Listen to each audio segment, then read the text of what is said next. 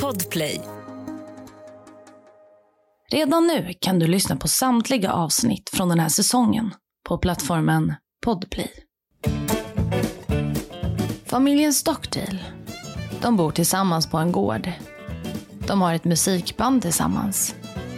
På utsidan ser det ut som att de är en välfungerande familj. En kärleksfull familj. Deras liv skiljer sig dock mycket från andras. Det är strikta regler i hushållet. Inte något som nödvändigtvis behöver vara dåligt. Men många reagerar på hur hårda mamma och pappas stockdeal är mot sina barn. År 2017 inkommer ett samtal till larmcentralen. När operatören svarar så avslutas samtalet. Man väljer nu att spåra samtalet. Det har kommit från familjen Stockdales hus. Polisen åker dit och kan inte tro det som händer därefter.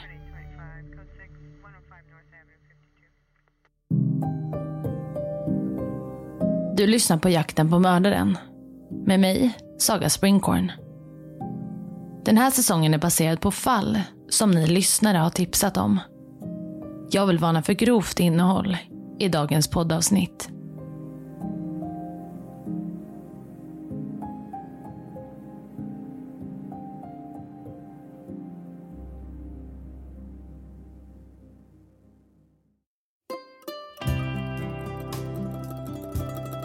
Familjen Stockdale består av pappa Tim, mamma Kathy och deras fyra söner Calvin, Charles, Jacob och James.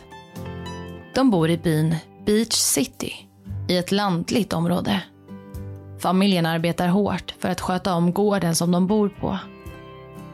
Det är ett heltidsarbete och alla måste hjälpa till. Utöver det har familjen också ett eget musikband.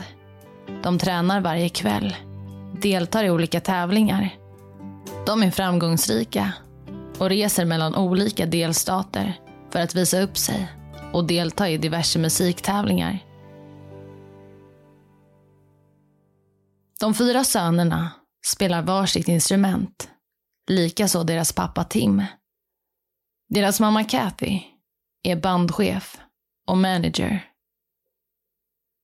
År 2008 ska familjen bli ett känt ansikte utåt. De deltar nämligen i tv-showen Wife Swap. Och några år senare, när en tragedi uppstår, kommer många tro sig förstå motivet baserat på det som de sett i tv-showen. Okej, så vi stannar upp redan här. Jag tänker att jag måste inleda det här avsnittet med att berätta lite om det här tv-programmet, Wife Swap. Eller som det heter på svenska, Par på prov.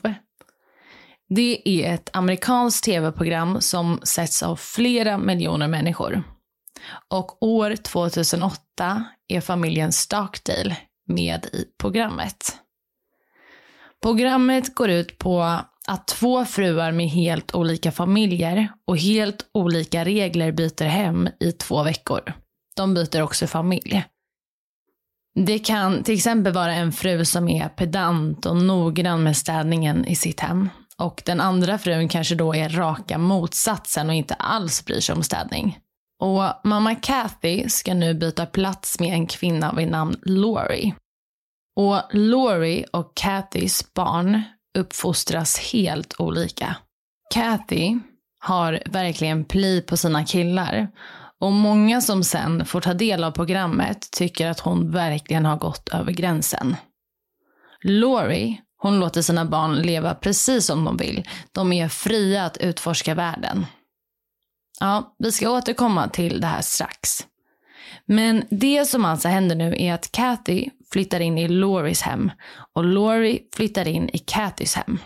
Så det är ett familjebyte och det här ska ske under två veckors tid. Både Laurie och Kathy får i uppgift att skriva en familjemanual med regler som den andra frun ska följa. Så exempelvis om Kathy skriver att i mitt hem äter man middag klockan 18.00, då måste Laurie följa det. Men bara den första veckan. För vecka nummer två så får den kvinnan som flyttat in i hemmet helt bestämma regler själv. Så ni kan ju föreställa er att det kan bli ganska tokigt om man är van vid att ha det väldigt strikt hemma och helt plötsligt så får man göra precis vad man vill. Hur som helst, Kathy lämnar en lång, lång manual med regler som gäller för hennes fyra pojkar. Och jag ska läsa upp några stycken från den här manualen då jag tycker att det är relevant för det här fallet. Kathy skriver så här. Välkommen till vårt hem. Vi flyttade ut på landet för att få bort pojkarna från stan.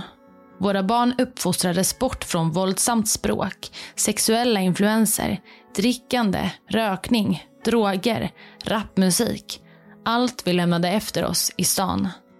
Istället uppfostrar vi våra barn på en diet av hälsosamma aktiviteter och jordbruksarbete.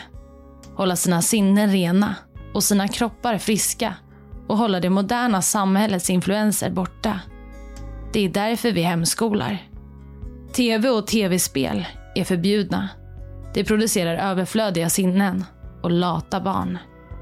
Jag vill att mina pojkar ska vara aktiva, produktiva och upptagna varje vaket ögonblick. Tillgång till internet är begränsad. Det finns ingen ledig surf i det här huset. Istället ägnar vi tid åt att läsa för varandra, spela spel eller berätta. Mm, så det här är lite av det som står i Katys manual.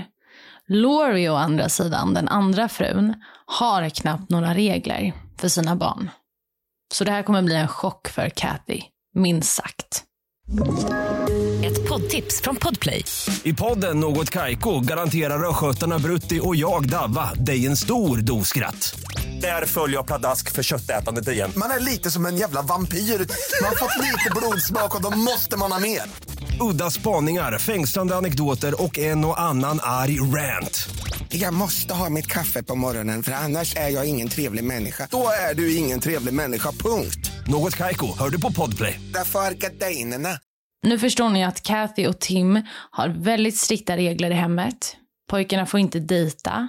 De får inte spela tv-spel, de får inte ha mobiler. Ja, det är mm, lite konservativt skulle vissa säga eh, med tanke på att det här är 2008. Vi går vidare. Familjen Stockdales leverne fångar uppmärksamhet från tusentals människor världen över. Vi ska lyssna lite till hur det kunde låta i programmet. My daughter's boyfriend lives with us.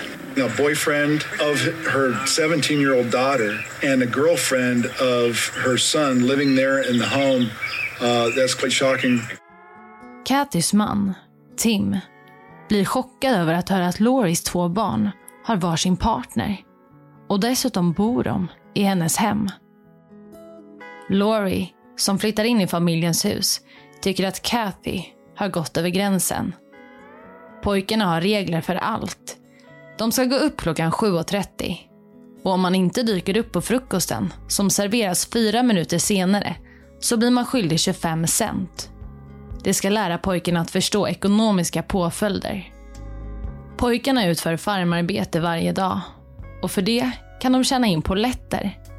När man har tillräckligt med poletter kan man eventuellt få se en familjevänlig tv-serie. Eller möjligtvis få smaka en liten bit godis. Allt i hemmet hänger samman med arbetsmoral. Pojkarna måste förstå hur det är att arbeta med händerna. Middagar ska ätas tillsammans. Det finns en tydlig meny som ska följas. Innehållande bland annat sardiner på mackor, lever och surkål. Laurie reagerar. Maten som pojkarna äter är så långt ifrån vad hennes egna barn äter. Och dessutom måste Laurie tvinga dem att äta upp allt på tallriken. Pojkarna ska också ha betyget A på samtliga skoluppgifter. Klockan 16.00 har pojkarna debattlektioner. Och efter middagen ska de öva i bandet. Reglerna ska följas. Den regeln som står högst i hierarki är att barnen ska lyda sina föräldrar. Kathy kan inte förstå hur Laurie kan låta sina barn bete sig som de gör. Hon tycker att de är omogna och bortskämda. What do you think about rap music? Uh, I don't listen to it. You're gonna love it after you leave this house. You're gonna be woo, you know. They're very immature. My 11 year old is more mature. These kids Paul. don't know the value of money, and it's a parent's job to teach them about work ethic. Tonight on Wife Swap. Two women, worlds apart. Det har blivit dags för vecka två i programmet. Nu är det Laurie som har makten. Hon får bestämma. Laurie vill att pojkarna ska spela tv-spel. De sätter sig tillsammans i ett sovrum och börjar spela. for the present. It has no value, really. I feel guilty right now, but I love. I believe my children are becoming mind numb robots, totally oblivious to everything else that's going on. Människor som har sett sönerna i programmet beskriver det som att de inte ser bekväma ut. Det är som att de begår brott när de gör som Laurie säger. Laurie låter pojkarna göra vad de vill. Men det blir inte så mycket action på pojkarna. De är inte vana vid det. De ser inte ut att gilla Lauries förslag. Hon vill bland annat att de äldre sönerna ska gå ut på en dejt. Till en början är de väldigt tveksamma. Men sen går de med på det. Och de säger att det var kul. Hemma hos Lauries familj, där Kathy nu bor, har den andra veckan av familjens liv förvandlats till en mardröm. Kathy vill lära tonåringarna vilket ansvar det kommer med sex, dating och så vidare. Därför tvingas de att bära med sig dockor på dagarna. Dessa dockor ska symbolisera ett barn. För det är precis vad det blir när man dejtar och har sex. Efter två intensiva veckor träffas Laurie och Kathy. De delar med sig av sina erfarenheter. Det blir en het diskussion och Laurie säger till Kathy att hon är en hemsk mamma. Laurie stormar ut ur rummet. If you have anything more to say about my kids, keep it to yourself. Just trying to get the facts. You don't have a heart. I need a cigarette. No wonder they walk around like robots and talk like that. I need a cigarette. Talk about my kids.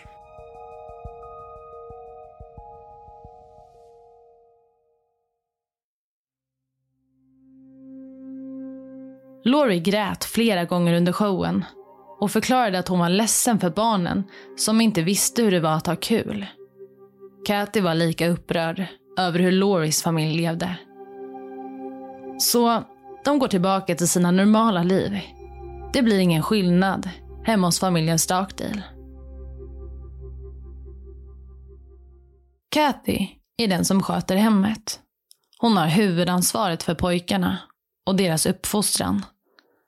Familjen fortsätter med sitt familjeband. De spelar och vinner priser.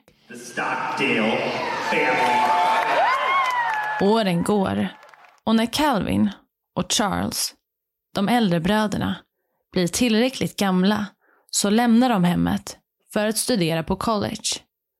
Reglerna finns fortfarande kvar. Jacob och James bor ensamma utan sina äldre bröder. De fortsätter att spela i bandet, sköter om gården, studerar i hemmet och så vidare.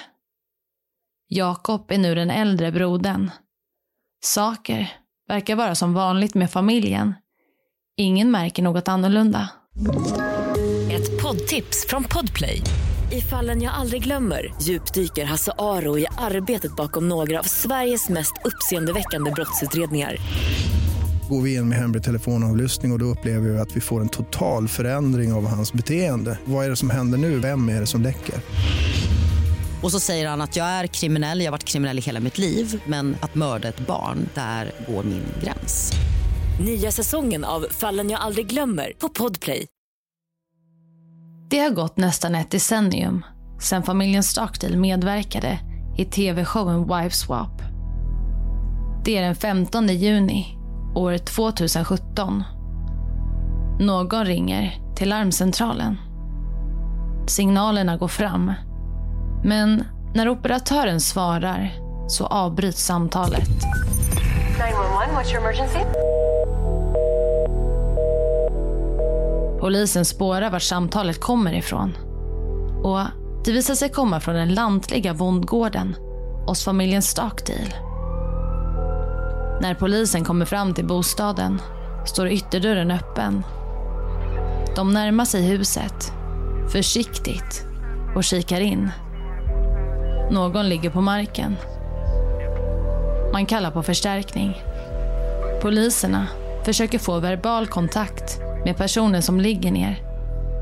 De är på sin vakt och vågar inte gå fram till personen riktigt än. De förstår att något allvarligt har hänt. Mitt i allt avlossas ett skott inifrån huset. Poliserna backar undan och inväntar nu förstärkningen. Nära ytterdörren hittas 21-åriga James. James som var 11 år när programmet Wiveswap sändes. Han hade avlidit till följd av en skottskada. På övervåningen hittades den avlidna kroppen av Kathy. Även hon hade blivit skjuten. Lite senare hittas Jakob, den näst yngsta sonen i familjen. Han hade skjutit sig själv i huvudet. Jakob hade fortfarande puls. Kanske skulle hans liv gå att rädda. Baserat på det man hittat vid brottsplatsen rörde det sig om ett dubbelmord och ett självmordsförsök. Jakob är 25 år gammal vid den här tidpunkten. Han förs i ilfart till sjukhuset. I en presskonferens berättas det om de avlidna kropparna som påträffats hemma hos familjen Stockdale. Skotten hade avlossats från ett hagelgevär. Pappa Tim är förkrossad. Han har ingen aning om vad motivet kan vara. På olika internetforum tror man sig veta vad som ligger bakom åtminstone Kathys död. Hennes konservativa och strikta sätt att uppfostra sina söner på. Det är många som menar att det varit motivet. Men än är det ingen som har svaret. Jakob vårdas för sina akuta skador.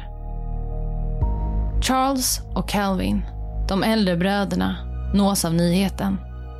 Calvin gör ett offentligt uttalande han börjar med att berätta lite om James, hans yngsta lillebror.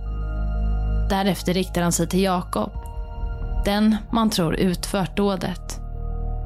Han säger att hela familjen älskar honom och förlåter honom.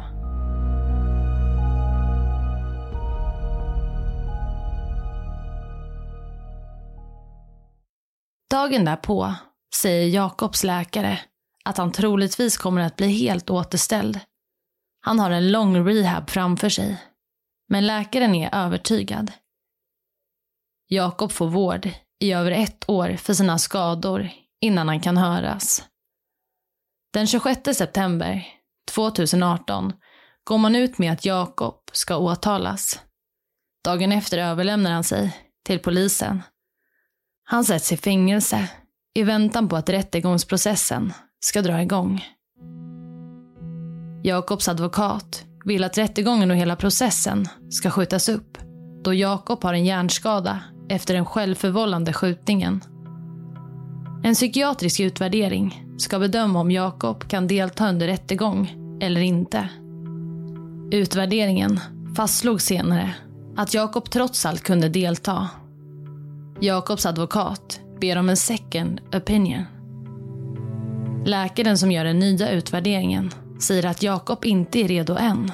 Men om han får behandling i ungefär ett år så ska han nog kunna bli helt återställd och då kunna medverka. Rättegången skjuts upp i väntan på att Jakob har fått sin behandling. Jakob får bo på ett behandlingshem. När han är redo ska det hållas en skenrättegång för att se om Jakob hänger med på vad som sägs och för att se om Jakob kan föra talan för sig själv. Ja, under tiden som Jakob är på det här behandlingshemmet så försöker han fly två gånger. Första gången den 18 november 2019. Han ska då ha gömt sig i ett bibliotek efter stängning, men han blir snart påkommen och får gå tillbaka till sitt rum. Det andra flyktförsöket sker i december 2019. Jakob har en ny frisyr dagen till ära. Och han ska ha sagt att han ser ut som sin kusin och därför skulle han försöka smälta in och lyckas ta sig ut. Men han upptäcktes den här gången också. Och det är en hel process som följer. Man ska återigen utvärdera om Jakob kan ställas inför rätten eller inte. Man ska också utvärdera om man kan få fängelsestraff eller behöver psykiatrisk vård om han blir dömd för brotten. Så summa summarum kommer man fram till att Jakob kan sättas i fängelse om han döms för de här brotten. Det finns en mängd bevis mot honom. Dels blodstänk och fingeravtryck. Till en början så förnekar Jakob brotten. Men med tiden kommer han att ändra sig och erkänna att han har dödat sin mamma och sin bror. Jakobs familj vill att juryn ska döma honom till ett så kort straff som möjligt. De säger om och om igen att de förlåter Jakob. Och när domen faller får Jakob 15 år för vardera mord. Han döms till 30 års fängelse. År 2048 kan Jakob för första gången eventuellt få komma ut som en fri man. Men det känns som att det fattas något här. Motivet. Det är något som jag verkligen, verkligen har funderat på. Jakob vägrar berätta varför han dödat sin mamma och bror. Och jag tänker mig att ni som nu har lyssnat på det här avsnittet stör er jättemycket på att, att ni inte vet varför. Och jag känner exakt likadant. Man vill ju veta varför dödade han sin bror? Varför dödade han sin mamma? Och om vi kopplar det här mordet till tv-programmet kan man ju se ett potentiellt motiv. Att det var deras uppfostran, hur de levde i hemmet. Men det finns inga bevis för det här, så det är bara en spekulation. Dessutom så dödade Jacob sin bror James. Mm, så oklart varför det här har skett. Det har vi inte svaret på idag, Kanske någon gång i framtiden. Kanske kommer Jakob att berätta. Det var allt för dagens avsnitt. Vill du komma i kontakt med mig så kan du skriva till mig på Instagram där jag heter Saga Springkorn eller mejla till jaktenpamordaren springkorn.se. Tack för att du har lyssnat.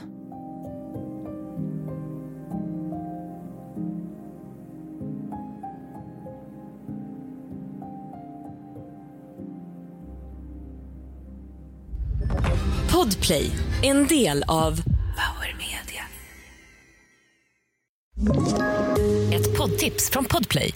I podden Något Kaiko garanterar östgötarna Brutti och jag, Davva, dig en stor dos skratt. Där följer jag pladask för köttätandet igen. Man är lite som en jävla vampyr. Man har fått lite blodsmak och då måste man ha mer. Udda spaningar, fängslande anekdoter och en och annan arg rant. Jag måste ha mitt kaffe på morgonen för annars är jag ingen trevlig människa. Då är du ingen trevlig människa, punkt. Något Kaiko, hör du på Podplay. Därför är gardinerna.